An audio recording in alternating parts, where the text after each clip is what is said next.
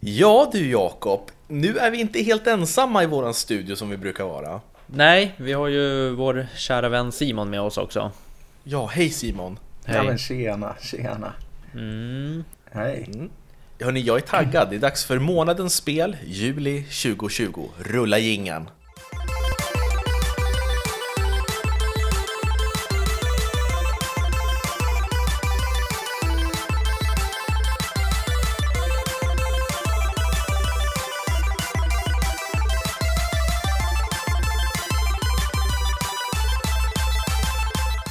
Sådär, varmt välkomna ska ni vara till Spelkväll med Robin och Jakob, en spelpodcast i samarbete med Moviesin.se. Här är jag Robin och med mig har jag min eh, extroverta kollega Jakob Ja. och våran, vårat tredje hjul höll jag på att säga. Ja, Ja, men det är väl Simon, okej. varmt, varmt välkommen. Ja, tack. tack. Ja, jag, jag tycker lite stelt när Simon är med. Vi, vi är verkligen inte oss själva.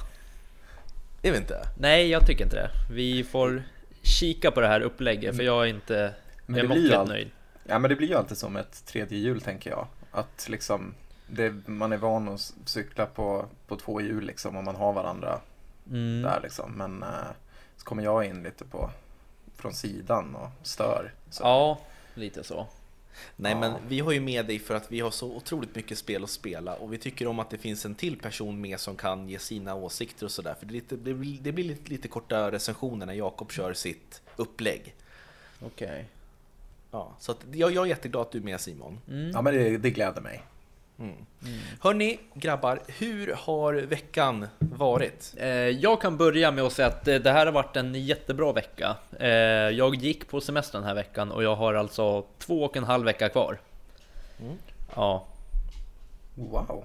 ska jag berätta nej, men, något mer? Ja, nej, det är bra så. Nej, men jag ska, jag ska tillbaka till jobbet nästa vecka. Så det har jag haft semester här ett tag. Ja. Men det känns bra faktiskt. Mm. Det har ju varit en, en bra spelsommar ändå, tycker jag. Ja. Alltså så här för, för egen del i alla fall. Ja, jag spelar Eh. sjukt mycket jag med.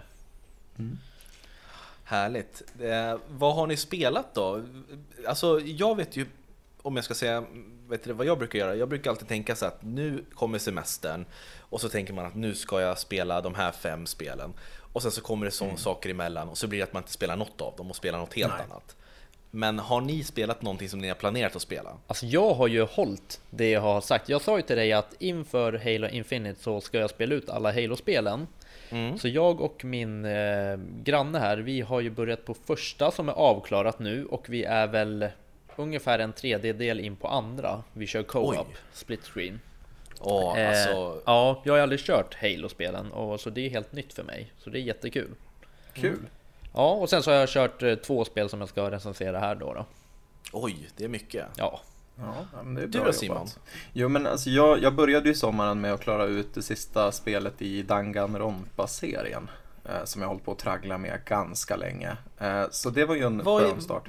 vad är det för typ av spel? Alltså Danganronpa är ju som en slags så här eh, visual novel-spel. Eh, Mördar-mysteriespel där 16 ungdomar blir instängda på en skola och ska hamna i ett sånt här dödsspel där man måste försöka mörda varandra då för att få komma ut och det drivs av en hemsk, den här skolan då som man befinner sig på drivs av en hemsk elak robotbjörn. Och ja, ni kan då gissa att det här är ett väldigt eh, manga, eh, så här japanskt eh, spel är det. Mm. Eh, väldigt så här over the top, eh, morbid humor och eh, grymt på många sätt. Men också en ganska så här eh, spännande, invecklad story. Det finns eh, alltså ganska stora communities runt det här. Eh, och jag har fortfarande inte hittat någon att riktigt så här prata med om det här. Jag vet att du Robin har ju spelat något spel i alla fall. Mm, jag spelade första och jag Ja. tyckte det var jättebra. Det är också så här helt skruvat, morbid humor. Eh, Den här robotbjörnen är helt psykopat alltså. Ja, nej men så det, det klarade jag ut och det, det tog mig ett tag att återhämta mig faktiskt efter det. Men sen har jag spelat eh, lite, lite Sherlock Holmes eh, med sambon. Det har varit trevligt. Eh, spelat en hel del eh, Deadly Premonition nu då som jag tänkte prata om idag. Eh, inte hunnit med att spela så mycket Persona 5 igen som jag hade velat göra. Men, eh, Nej, okej. jävla Det- nyhetssvepet. Ja, men det var det jag tänkte säga. ja, men Eh, då, ja, Tack så mycket Jakob Du får lugna ner Simon. Simon. Ja men alltså ska har- inte Robin berätta vad han har spelat? Nej, nej, det är, det är inte så viktigt. Det kommer lite om vad Robin har spelat i det här avsnittet och resten kan du väl ta någon annan gång Robin. Men kör igång din- nyhetssvepet. Ja, okej, nu kör vi. Nyhetssvepet, det senaste inom gaming med Jakob. Hallå, det var Jakob här eh, på spelkväll och det här är mitt nyhetssvep. Mysiga spelet Cuphead släpptes igår till Playstation 4 och nu så kommer man kunna spela denna på samtliga plattformar. Vilken bomb va? Och Animal Crossing släpper en ny DLC. Denna kommer innehålla lite fyrverkerier där du till exempel kan designa dina egna raketer och något mer som jag inte hann läsa. Denna nyhet känns faktiskt väldigt ointressant för min del. Men det kommer att släppas ett nytt Sherlock Holmes till Playstation 5 och Xbox Series X-konsolerna. Detta kommer att släppas under 2021, så håll koll på dem. Och till sist så vet Dr. Disrespect fortfarande inte varför han är bannad på Twitch. Det här var Jakob med nyhetssvepet. Sådär. Härligt Jakob. Ja, det var skönt att vi fick in den. Fragment av nyheter skulle jag kalla det. Ja, det börjar, man märker att jag börjar göra nyheterna tätt in på när vi ska spela in avsnittet. Ja, precis. Man ser dig i, jag ser dig här i kameran, att du så sitter och skriver och läser på medan vi kör intro till Ja. avsnittet. Ja, så och det, jag, vet, jag, vet, jag vet inte ifall det är dumdristigt eller smart. Nej men har ni någon, någon gång haft så här, har, har ni problem med att Ja men det är så här, okej, ja, men vi ska podda på onsdag, det är fan tre dagar. Det, jag hinner göra massa saker. Så bara, ja ah, men nu är det två, nu måste jag spela lite mer Ghost of Tsushima. Sen bara, ah, det är en dag, fan nu måste jag. Och sen bara, ah, fan nu är det två minuter kvar, nu måste jag hitta några nyheter. Ja, blir- ja. inte helt och hållet kan jag känna igen det, men eh, Mm. kul att du delar med dig av hur din hjärna funkar. Mm. Eh, Men Simon, Ja. du har spelat två spel den här månaden. ja, men det har jag gjort. Skulle du vilja inleda med en recension av något av dem? Ja, men det kan jag absolut göra. Eh, jag kan väl börja med det som jag kanske spenderat mest tid med. Eh, som jag också var väldigt intresserad av nu när det väl utannonserades. Så det är ju Deadly Premonition 2, A Blessing in Disguise, som jag har spelat. Eh, och Deadly Premonition 2, det är då såklart en uppföljare. Därav tvåan, Jakob. Jaha, okej. Ja. Tvåan i spelserien. Precis. Så är det. Eh, och det kom ju då ut, alltså det första Deadly Premonition kom ju ut 2010 och är ett, eh, ja men lite så här i sitt upplägg så är det ju lite GTA-liknande. Man har eh, till viss del en ganska fri värld som man rör sig i, man spelar som en FBI-agent som heter Francis York Morgan. Och det här ges ut utav Rising Star Games, men liksom hjärnan bakom den här spelserien heter Swery. Jag vet inte om ni känner till honom. Jo, du nämnde han för ett tag sedan. Vad menar du Jakob? Nej, ingen Har jag pratat om Swery? Nej, jag tror inte Nej, nej, jag kan, alla, det var jag som tänkte fel.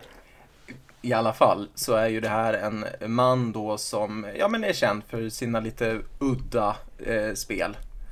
Eh, och eh, det första spelet har ju, när det kom var ju det ett sånt här spel som inte togs emot särskilt väl. Det fick ganska tuffa eh, recensioner och folk som spelade det var ju framförallt less på det dåliga kontrollschemat, grafiken var ganska utdaterad även om det var 2010. Men det har ändå fått ett så här kultfölje idag. Som ett spel som är näst, ses nästan mer som en så här konstinstallation mer än ett spel i sig. Och den här två, alltså uppföljaren Deadly Premonition 2 följer lite i samma fotspår. Det är väldigt udda, det är kufigt, många underliga karaktärer. Inte minst den här huvudpersonen som man spelar då, Francis York Morgan. Som också har ett alter ego som heter Francis Zack Morgan. Eh, och de här två pratar ju ständigt med varandra samtidigt som man åker runt på den här skateboarden i staden Le Carré där man ska försöka eh, ta reda på vad det är för någon hemsk person som ligger rad, bakom en rad bestialiska mord. eh, Glida runt på en skateboard? Ja, precis. Vilken jävla Eh, stjärna! Ja, och ibland så går den här skateboarden sönder och då måste man åka till en eh, typ, typ prästens dotter i stan som har en sån här skateboard workshop.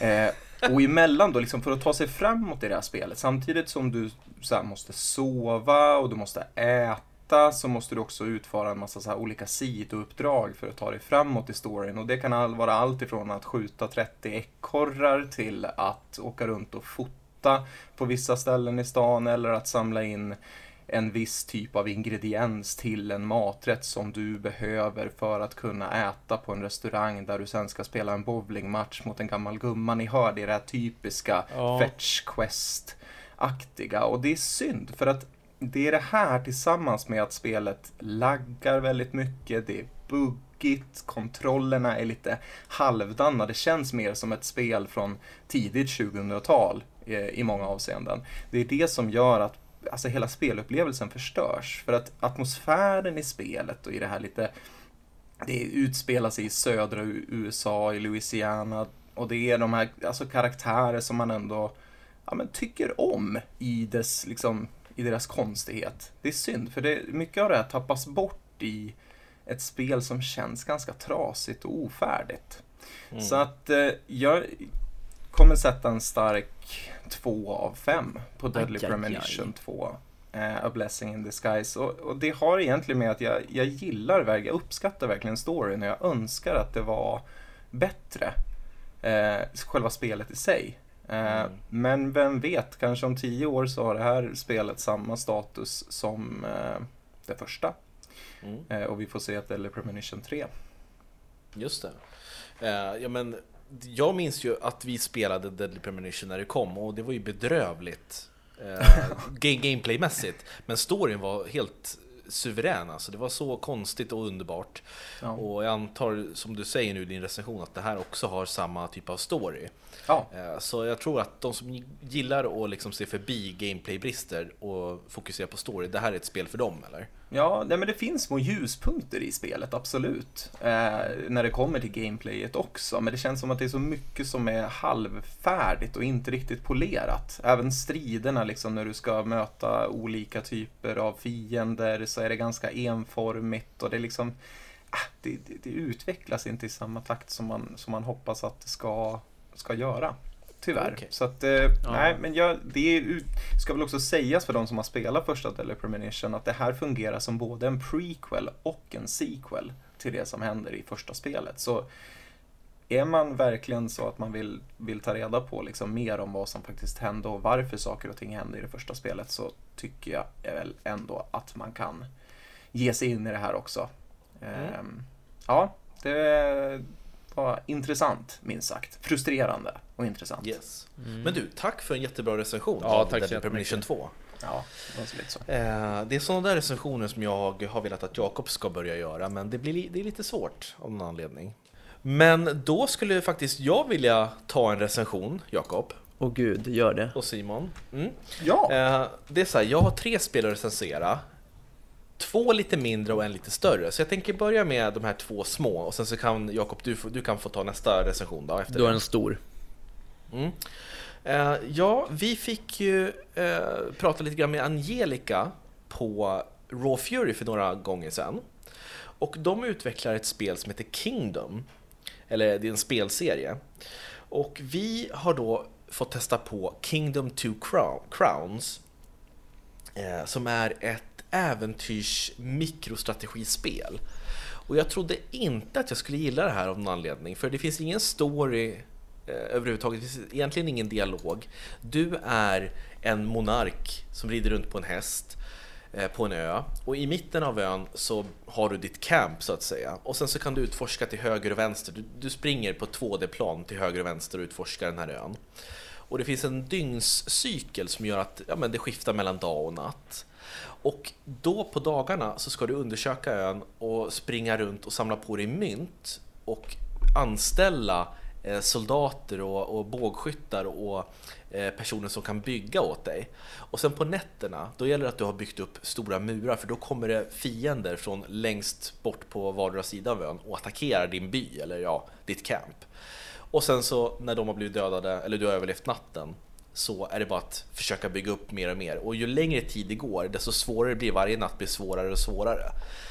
Eh, och det är så fruktansvärt beroendeframkallande. Alltså jag älskar det här spelet. Eh, det tar jättemånga timmar att klara ut, för du, du åker mellan sex öar och för att klara av en ö så måste du utrota de här fienderna, skuggfienderna.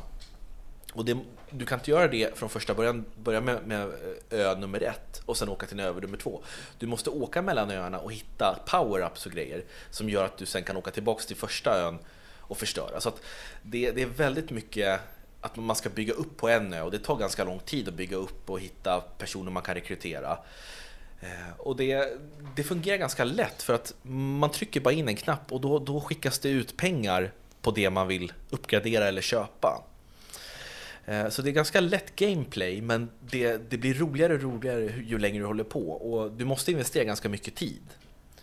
Eh, så det, det är fullt med innehåll och det finns också DLC eh, och expansioner som man kan då testa på som lägger till nya, nytt innehåll och sådär.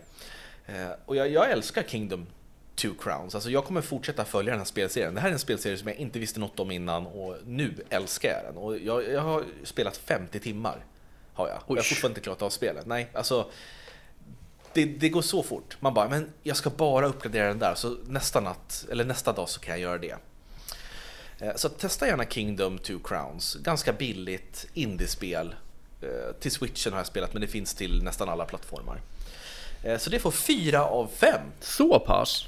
Mm, det var skitbra. Ja, det är bra. Och tack för en bra recension. Eh, då kan jag smyga in med en eh, mindre recension.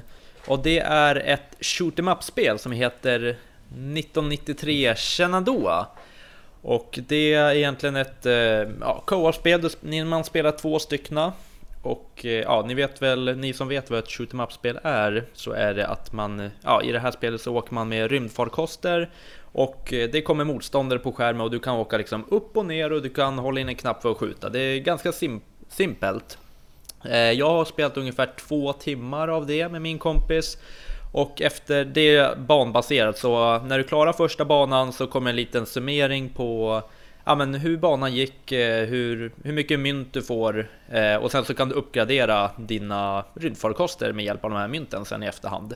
Så jag har en mycket större rymdfarkost än min kompis som jag spelar med, så jag är mycket bra på att skjuta. Eh, nej men som sagt, det är ett jätteunderhållande spel om man är två stycken, så in och testa det. Det har kommit till Nintendo Switch ska sägas också. Så 3 av 5 har det fått av mig hittills. Mm, härligt. Och kan inte du berätta också att de som gav ut det här spelet, vi skulle vilja göra en liten shoutout till dem? Ja, de är ju, eh, jag sa väl det att det är en svensk spelstudio och eh, det var de skickade och att de brukar lyssna på vår podcast och ja, men undrar om vi kunde testa det här spelet. Så 1993 heter de och är en svensk spelstudio. Grattis! Nu kommer ni få många följare. de heter väl inte 1993, de heter väl Limit Break heter de studion. Limit Break Studio. Eh, så tack, tack för den recensionskoden och tack Jakob för att du testade på det. Sådär, nu är jag tillbaks. Mm. Bra. Eh, jag ska hoppa på min andra recension. Ni får gärna avbryta mig ifall ni har några frågor kring mina spel. Simon, går det bra för dig att sitta och lyssna på det här? Ja, men det gör det. Verkligen, det är jätteintressant. Alltså nu, mm. Jag brukar sitta och lyssna på er annars. Eh, nu sitter jag ju här och lyssnar, så ibland glömmer jag av mig själv att jag faktiskt också kan prata live ja, men det, är bara, det är bara avbryt alltså.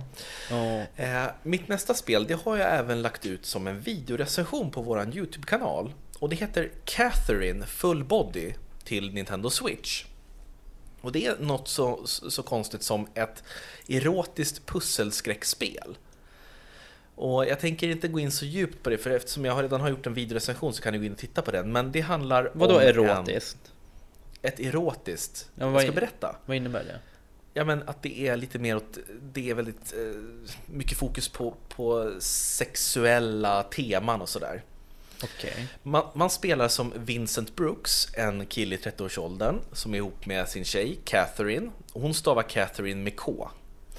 Eh, de, eh, ja, deras, liksom deras förhållande har stagnerat lite grann. Så här, de, de vet inte riktigt vad de ska göra. Ska de skaffa barn? Ska de flytta ihop? Ja, de vet inte riktigt. Eh, och efter massa mardrömmar så vaknar Vincent upp med eh, en annan kvinna i sin säng som heter Catherine, Catherine med C. Och hon har då förfört honom efter en blöt natt på krogen.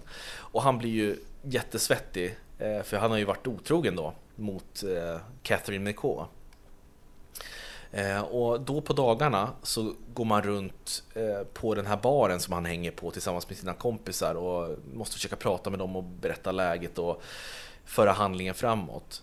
Och sen så på nätterna så hamnar han i någon slags rike där han måste klättra upp för torn som är uppbyggda av block. Och faller han från det tornet, då dör han på riktigt. Eh, så det finns, det är där pusselelementet kommer in, för du måste dra och putta de här blocken och då kan han då klättra upp för det här tornet och när han kommer högst upp så kommer han in till säkerhet. Ja, Jakob, du räcker upp handen. Ja, men så det är liksom pusslet är i hans drömmar och sen så spelar Ja. man som honom under dagen. Ja, precis. Så Ja, du spelar som honom häftigt. båda gånger. Ja. Och det är väldigt storydrivet. Eh, Det är ganska linjärt. Du kan ju inte gå i en stor öppen värld, utan det är de här pusselsekvenserna. Oj, vad hände där? hund. Ja. Eh, Så att det är ett väldigt udda spel, men det är samtidigt väldigt eh, spännande, för det finns ju en mycket mörk och mogen historia. Och sen så är det ju ganska liksom mycket sextema och sådär, men det, det blir inte löjligt, utan det, det berättas på ett vuxet sätt som jag verkligen uppskattar. Och i den här versionen Full Body så finns det lite mer content än vad som fanns i originalutgåvan som kom för cirka 10 år sedan. Och det finns en till kvinna som Vincent kan eh, interagera med som heter Rin. Eh, och hon har ett ganska så här, eh, lustigt förflutet, men jag tänker inte avslöja något om det här. Men hon tillför ganska mycket och gör den här berättelsen men fräsch och, och bra. Och så finns det lite nya gameplay-lägen som gör att Catherine-veteraner har någonting att göra också. Men det är ett jättebra spel. Det finns ingenting som liknar det här egentligen. Och ja, men, det är lagom långt eh, och jäkligt svårt eh, till och från när man ska klättra upp för de här jävla tornen. Eh, Så att Catherine Full Body till Nintendo Switch får 4 av 5 också. Wow. Oj, Men en bra är månad. Inte, är det inte Catherine, alltså jag tänker, jag får ju lite, när jag bara tittar på det sådär, jag har ju sett dig spela det första Catherine. Mm. Men jag får ju lite så här persona-vibbar, alltså grafiskt och, och sådär.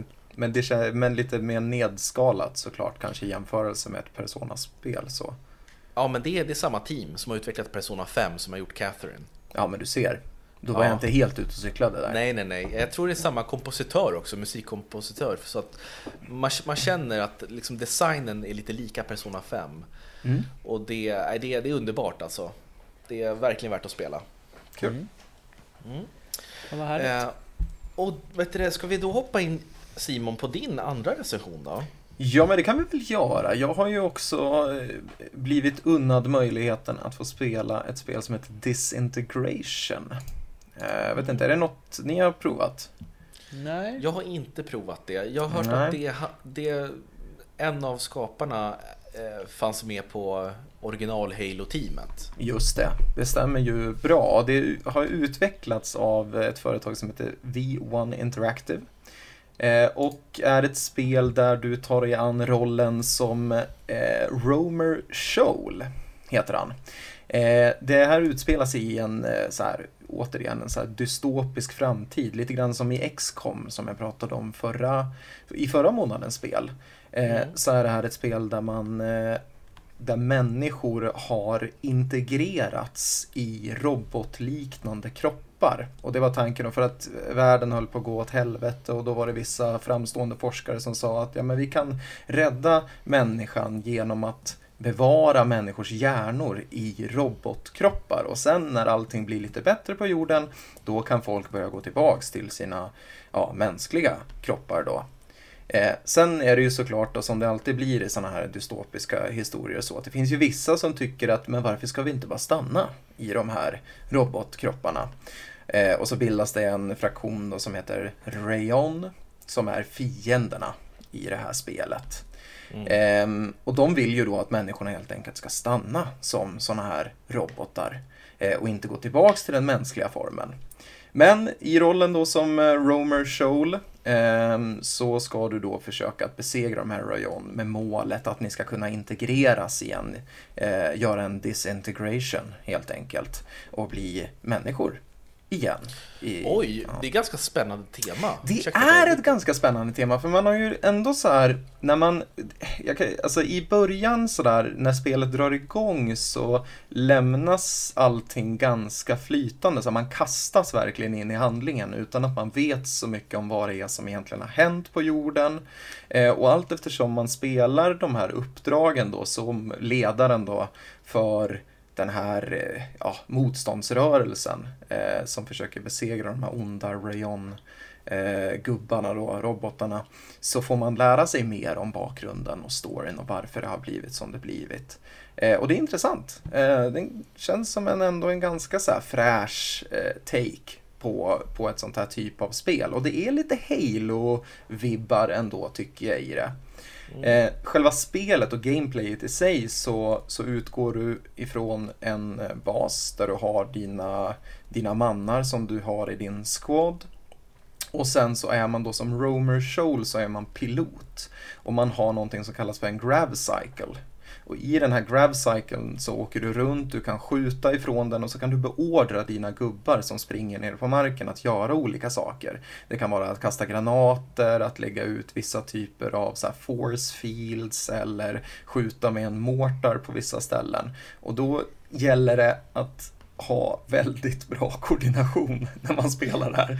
Jag, jag har dött så otroligt många gånger för att jag till slut bara, i, när det väl hettar till och det blir mycket att göra samtidigt, så bara spammar jag på alla knappar och vet inte riktigt. Det slutar med att jag börjar skanna av miljön, skicka mina gubbar rakt in i någon så här eldtunnor och så skjuter jag sönder dem och så dör alla och så får jag börja om. Så att det gäller, är man, är man duktig på det här med framförallt att spela på konsol då, som, som jag har gjort nu på Playstation, så är man duktig på det här med koordination och veta liksom så här, ha koll på många, ha så här bra micromanagement skills.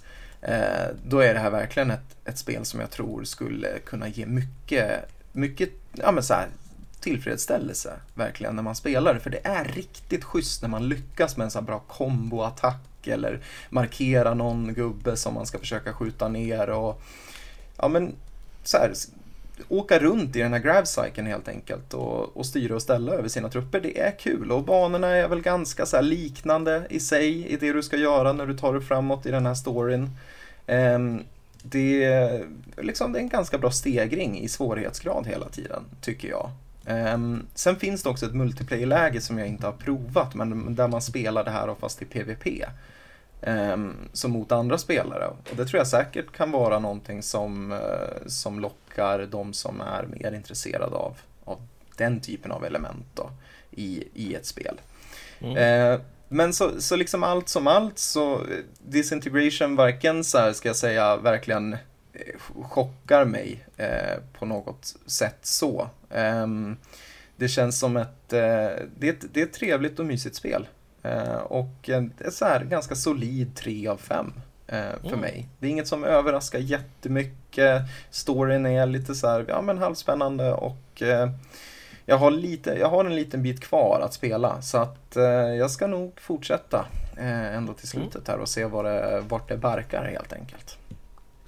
Ja men här, alltså jag skulle nästan vilja testa på det. Jag tycker den här Ja. storyn låter ganska intressant. Ja, den har inte riktigt lyft än tycker jag sådär. Jag, det finns absolut eh, en bra, en bra grund tycker jag som, den här, som det här spelet eh, står på ändå. Mm. Eh, så att, eh, ja, nej men eh, kör hårt. Yes. Mm. Ja men tusen tack Simon. Tack så jättemycket Simon. Ja. Jakob, skulle du vilja köra din Ghost of Tsushima då? Ja, nu kommer det. Nu kommer det boys. Yes. Ja, jag har ju spelat ungefär 15 till 20 timmar Ghost of Tsushima. Och det är så jävla snyggt faktiskt. Eh, jag ska berätta lite om handlingen först. Det är i slutet av 1200-talet och eh, spelet börjar med att du ser en cutscene på att eh, det kom in massa, ja, en mongolarmé till den här ön Tsushima då som du står på tillsammans med några andra samurajer. Och du spelar som en samuraj vars namn är Jin.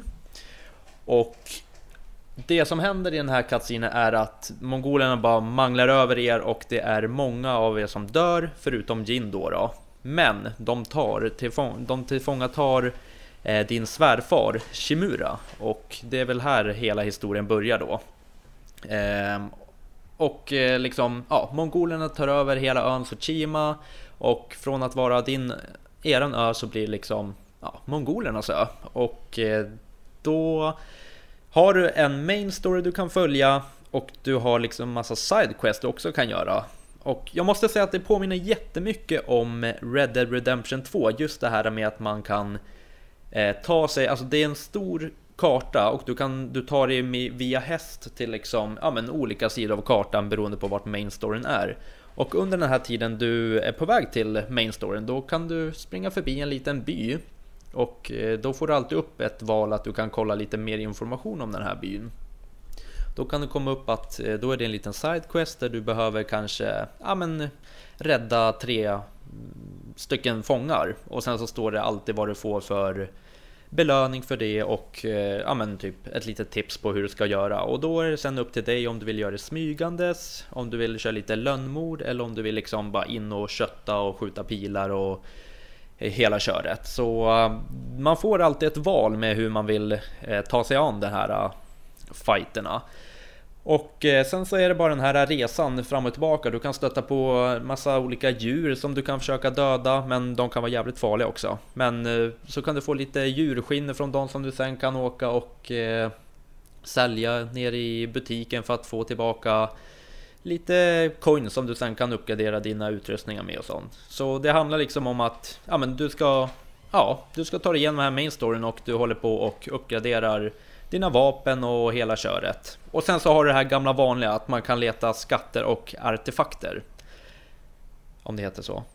Jo, ja, men, ja, men vad bra. Mm, ja. bra. Och sen så eh, när du är ute liksom på resans gång så kan du samla resurser som trä, metall, tyg och andra varor som du sen uppgraderar din utrustning med. Så det är liksom, det är aldrig att du bara liksom inte gör någonting. Det finns alltid någonting att göra. Du kan du kan hästa förbi en liten armé som kanske är ute och en mongolarmé som bara sitter och typ eldar lite med grillplats. Då kan du välja att eh, hoppa på och döda dem och då liksom stiger ditt rykte.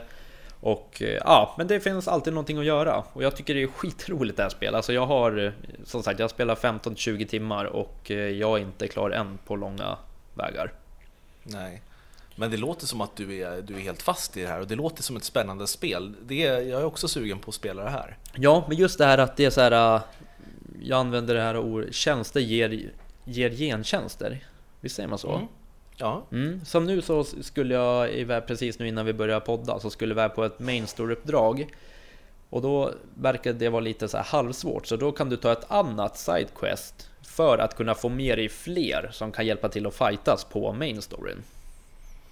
Mm. Ja, så du kan liksom välja. Och ibland, alltså någon gång har jag ju bara ridit förbi typ en liten dam som bara Help me, så bara De har hela mitt hus och då är jag så bara nej, fan, nej nu ska jag till main store. Nu får ni fan klara er själva liksom.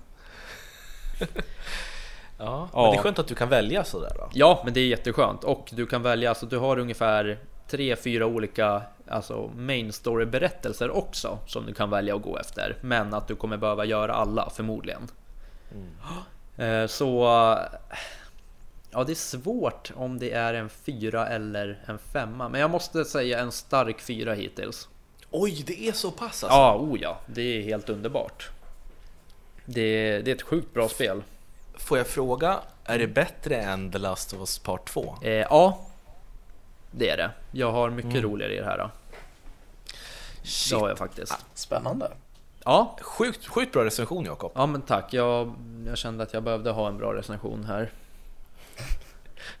ja, ja, men det är jättebra. Mm. Ja, den vilka, det. Men alltså vilka spel vi har snackat om, det, ja, alltså, det har varit Deadly Premonition, mm. Disintegration, uh, Ghost of Tsushima, Catherine Full Body uh, mm. och um, 1993 samt Kingdom. Mm. Men det finns ett spel som vi inte får glömma som kommer bli den sista recensionen i det här avsnittet. Och det är ju Paper Mario, ja. The Origami King. Kör! Ja, kortfattat om Paper Mario-serien. Det är en spin-off-serie på Super Mario såklart. Och det började som en rollspelserie där allt är gjort av papper. Hela Mario-universumet eh, universumet är gjort av papper. Och så springer man runt och slåss mot fiender och man, man hoppar inte på dem som, som på vanliga Super Mario utan man, man går in i en strid och då då kommer man in i ett stridsläge och där väljer du olika kommandon i en, en lista. Eh, och de spelen har ju varit underbara. Just del 2 som kom till GameCube tycker jag är ett mästerverk alltså. Men efter det, just efter del 2, så bytte man inriktning på Paper Mario-serien och det blev mer så äventyr och man tog bort de här rollspelselementen. Vilket jag tycker är jättesynd, men, men det är helt okej okay, tycker jag ändå, bara man, man vet hur man ska göra det. Eh, och Paper Mario The Origami King, det gör det delvis jättebra och delvis lite sämre. Eh, men det är så att, alltså, eh, eh, man måste vara ärlig, redan vid första anblick så, så förtrollar spelet den. Alltså, det är så läcker pappersgrafik, det är liksom så färgstarka färger. Ehm, den trallvänliga musiken är liksom, den är där och sen så är det en så här jättemysig atmosfär. Det känns som ett mysigt spel man spelar på, på en fredagkväll med familjen. Liksom. Och det inleds med att Mario och Luigi är på väg till prinsessan Peach som vanligt och de ska vara med i en festival, Eh, en origamifestival. Eh, och de kommer dit till staden, men de hittar ingen där. Det finns ingen där, det är en spökstad. Och de bara, men då får vi väl gå och prata med prinsessan Peach och fråga vad fan det är som händer. Och de kommer in i slottet och när de kommer fram till henne så är hon ihopvikt till en origami-version av sig själv. Och hon är som hjärntvättad. Så hon kastar Mario i fängelsehålan och eh, det är där liksom äventyret tar sin början. Och hela berättelsen är jättecharmig, den är så full av humor. Det är väldigt Eh, typiskt för Paper Mario-serien. Man driver ganska mycket med att det är ett spel och det är väldigt mycket humor. Sen finns det också väldigt eh, mörka teman på sina ställen som jag uppskattar och alla karaktärer man träffar är väldigt välskrivna. Så det är inte ofta man tänker att oj, nu kände jag någonting för en papperstunn figur här. Men det händer. Eh, men sen så är det ju det här att det finns ett stridssystem som är totalt meningslöst. Eftersom man inte har de här rollspelselementen, du får ingen erfarenhetspoäng, det finns ingen XP, du går inte upp i level. Då finns det liksom ingen mening att strida eftersom striderna är så långa och tar så... Alltså det kräver ju att du sätter av några minuter för varje strid. Eh, och det funkar som så att Mario springer runt i, i världen och sen så när han stöter, stöter på någon sån här origami-fiende då hoppar man in på en strids, alltså ett stridsfält som i de gamla spelen. Men nu står Mario i mitten av en cirkulär arena och fienderna står utspridda och då kan man vrida och eh, dra upp och ner de här cirkulära eh, skivorna för att rada upp fienderna och radar upp dem så att de står på rad. Då får du en attackbonus och sen så får du välja om du ska hoppa eller använda hammaren på dem. Och hoppar du på dem, då ska du försöka tajma dina knapptryck så att du får extra mycket skada på fienden. Och det här är ganska kul till en början, men eftersom du inte får några XP så blir det meningslöst. Du kan ju springa förbi alla fiender när du får chansen och så kommer det ändå inte vara svårare längre fram. Allt handlar bara om vilka vapen du har och du hittar ju vapen lite överallt och så kan du köpa vapen. Och det här är så synd för man hade ju bara kunnat slopa det här stridssystemet och slagits ute på i, i den vanliga världen tycker jag. Eftersom man, man ändå inte får någonting för det. Men man har ändå hållit kvar det här så att det känns ju delvis som ett rollspel men det är inte det. Och det är där jag tycker det blir så här, hmm. Det är bra men, men varför har man kvar det här systemet för? Eh, och det, det är där liksom Paper Mario The Origami King tappar otroligt mycket. För jag hade lätt kunnat ge det här en stark fyra om det inte hade varit för det här eh, stridssystemet som inte ger någonting. Hade man bara fått någonting, att man får mer liv eller liksom levlar upp på något sätt, då hade det varit värt det. Men nu får man mynt som man kan använda för att köpa saker med, köpa starkare vapen. Men de här vapnen, de går ju sönder allt eftersom. Så det blir inga permanenta Eh, uppgraderingar du får. Eh, och sen så finns det ju eh, ute i, världen så kan du samla på massa sådana eh, collectibles. Du kan hitta dolda skatter och så kan du hitta Toad som har blivit ihopvikta och ja, men sånt där. Lite upptäcka glädje. Och det finns ju enorma ambitioner i Paper Mario Origami King. Det är fantastiska miljöer och världarna är grymma. Berättelsen är supermysig och väldigt fin. Så att det är synd som sagt att det dras ner av det här bristfälliga stridssystemet. Och ifall du är som jag som föredrar de här två första spelen i serien, då är det ju det eh, du inte riktigt får här. Men om du däremot gillar de här lite mer äventyrssidospåren som de, de har gått in på här på slutet så kommer du förmodligen älska The Origami King. Men jag tycker att det blir lite splittrat. Antingen så går de tillbaks till stridssystem med XP i nästa spel, eller så slopar de det och gör det mer actionäventyr. För de har, det finns så mycket bra i det här spelet, men jag kan inte ge det mer än en stark trea, tyvärr. Tre av fem. Ja, vad synd. Det hade ju ambitioner som du sa. Ja, det har det. Och, ja. Men, men jag det undrar... Är, alltså det, är, vänta, det är inte på några sätt ett dåligt spel. Alltså det här är sån kvalitet rakt igenom. Det är bara det här stridssystemet som förstör. Men man är ju så bortskämd med Mario-spel. De ska ju vara fyra och fem år. Ja, ja. faktiskt. Men eh, vad, alltså, de måste ha tänkt någonting på det här med stridssystemet. Alltså, eller om de känner sig i efterhand, bara fan, vad fan, något level-system måste vi lägga till eller något sånt. Ja, men det är som att de vet om jag kollade på någon intervju med mm. en av utvecklarna och då tog den personen som intervjuade tog upp det här med att ja, fansen har ju saknat det här med stridssystem i XP. Varför går ni, gör ni inte det igen? Nej, men vi vill inte att Paper Mario ska vara en rollspelserie längre. Mm. Och då tänker jag, men varför gör man just det här upplägget då? Ja. Man kan göra på andra sätt. Exakt. För det finns vissa fighter i spelet där man faktiskt inte kommer in, in på den här stridsbanan utan då är du ute i vanliga världen. Och då hoppar du och slår med hammaren i realtid som att det vore hack and slash nästan lite grann. Mm. Och de grejerna tycker jag funkar mycket bättre. Mm. Ja. Eh, men sen, sen, just det, jag måste säga det att bossarna är ganska roliga. För att där kastar man om det här stridssystemet så att bossen är i mitten av banan och Mario är längst ut på kanten. Och du måste skifta de här cirkulära diskarna för att få fram pilar som gör att Mario kan, kan gå i de riktningar på, på, brädan, eh, på brädet dit de här pilarna pekar. Ja, ja. Så det, det blir som ett pussel då. Men eh, ja, en stark trea. Det är ett jättemysigt spel och det här är, det här, ska, ska, man, ska man spela ett spel som ska lyfta upp en ifall man är deprimerad nu i Corona, då är det det här alltså. Mm. Ja, men tack för en, vad får man säga Simon, medioker recensionen då. ja, nej men jag tyckte du gjorde det bra då. Ja. Du ska, inte, du ska inte ta åt av allt Jakob säger eller? Du, hörru, du allt handlar om att försöka. Det kommer ja, långt på. Så länge, man, så länge man försöker så har man inte förlorat någonting. Exakt. Men eh, vilket roligt avsnitt tycker jag. Det är sån härlig stämning. Jag mår aldrig dåligt efter jag stängt av den här record-knappen. Nej, jag alltså, går aldrig in och gråter. Nej, alltså jag, vill, jag, jag skulle vilja nämna vad Robin heter här i lobbyn, men jag vet inte om jag får det. Nej, men alltså. jag, jag, skrev, jag skrev det där namnet för att du brukar alltid skriva så stötande namn. Då tänkte jag att du ska försöka chocka dig. Ja, det gjorde men... du faktiskt. ja. Det gjorde du fan. Och så har jag ett vanligt namn liksom. Mm. Ja, kul. Men hörni, mm. det har varit en, en, en ära att få prata med er nu om mm. månadens spel juli 2020. Jättekul. Och vi får se då vad, vad vi ska spela i augusti. Jag eh, ska ta mig an lite Death Stranding till PC faktiskt. Du oh. ser, vad kul. Och jag ska fortsätta på Halo-serien i alla fall. Mm.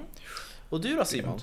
Ja, men jag tänker att jag har ju inte så långt kvar på semester nu, men jag vill hinna spela lite Persona 5 Royal och jag vill spela Final Fantasy 7 remaken. Sen har jag där någonstans skulle jag behöva klämma in The Witcher 3 till Switch.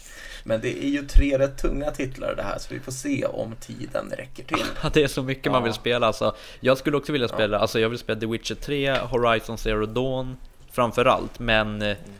ja, jag vet inte var tiden är jag, jag är lite sugen på eh, hoppa in i Deadly Premonition 2 igen och bara skata runt i den här staden också. Och leta rätt på så saker som jag kan uppgradera mina vapen med och liknande. Ja. Man får ju lite så här samlardille ändå mm. i ett sånt där spel.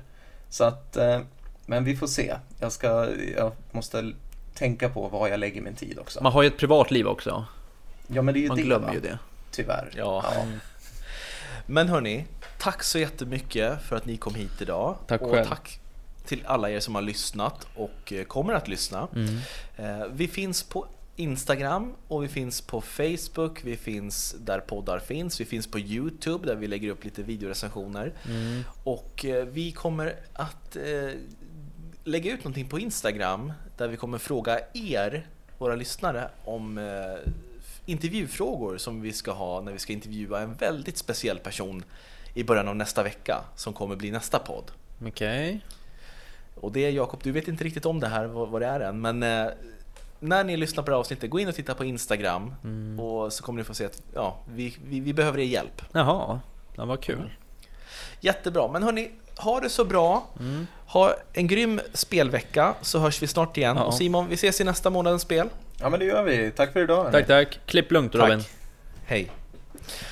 Sådär då. Ja, Men du har då att klippa lite nu. Ja, jag har lite att klippa eftersom Ja. vi fick göra om den där recensionen sju gånger. Ja, nej, jag tänkte Ja. faktiskt gå och käka lite glass runt in. Men hojta till när du är klar. Mm, tack. Bra. Ja, det bra. Hej. Hej. Simon, ska vi ta och titta på det där heltidskontraktet kanske? Ja, kan vi göra det? Va? Eller, vi skulle ju... Ja, nu var Jakob Hej. kvar. Hej då Jakob! Ja, vi Hej. hörs. Hej, ja. Bra.